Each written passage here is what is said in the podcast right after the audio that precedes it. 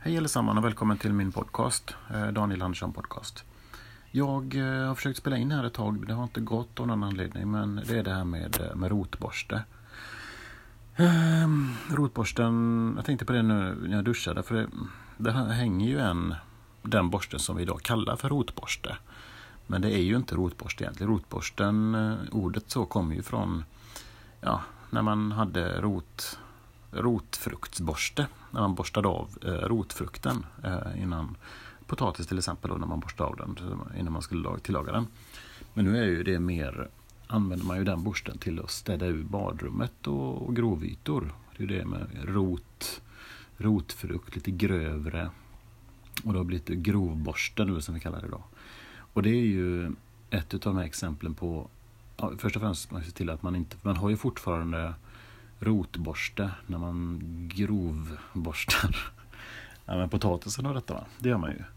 Det är ju grov, en grövre borste. Och sen har man ju då eh, grovborste när man grov, men städar ur grovytor som duschen. Och då ska man inte blanda ihop dem. Men det är ju det att man har ett samlingnamn för båda två. Och man, men det är till olika, och man får ju absolut inte blanda de två naturligtvis. Då. Är det så att man misstänker bara att oj, har vi haft de här nu i badrummet eller var det potatisen? Då ska man slänga den med en gång. Lite som tandborste. Det, man ska ha tam, jag har samma tänk som tandborste där. Utan jag tar då tandborsten. Har jag haft den, eh, om jag städat mindre ytor, då slänger jag den. Om jag inte vet säkert. Va? Och det, ja. och ehm, det är ett av de här Uh, orden då, det finns ju fler. Um, termos, det är ju liksom var ju ett företag som hette Termos men nu så är det är det liksom, eh, ja, det är en behållare. Värme, jag vet det, gro, vad heter de här, eh, bävernylon.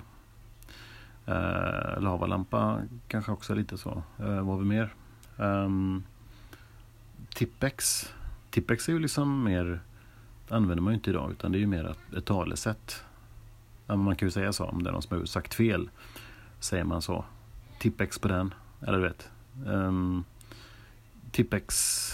Ja, det hade, synd att jag inte hade med mig Tippex. Mer så, va? man har ju inte Tippex. Ehm, det är mer bildligt talat då, va, idag. Men det finns många, vad jag ville komma till var mer att det här med eh, ord har ju liksom ändrat betydelse.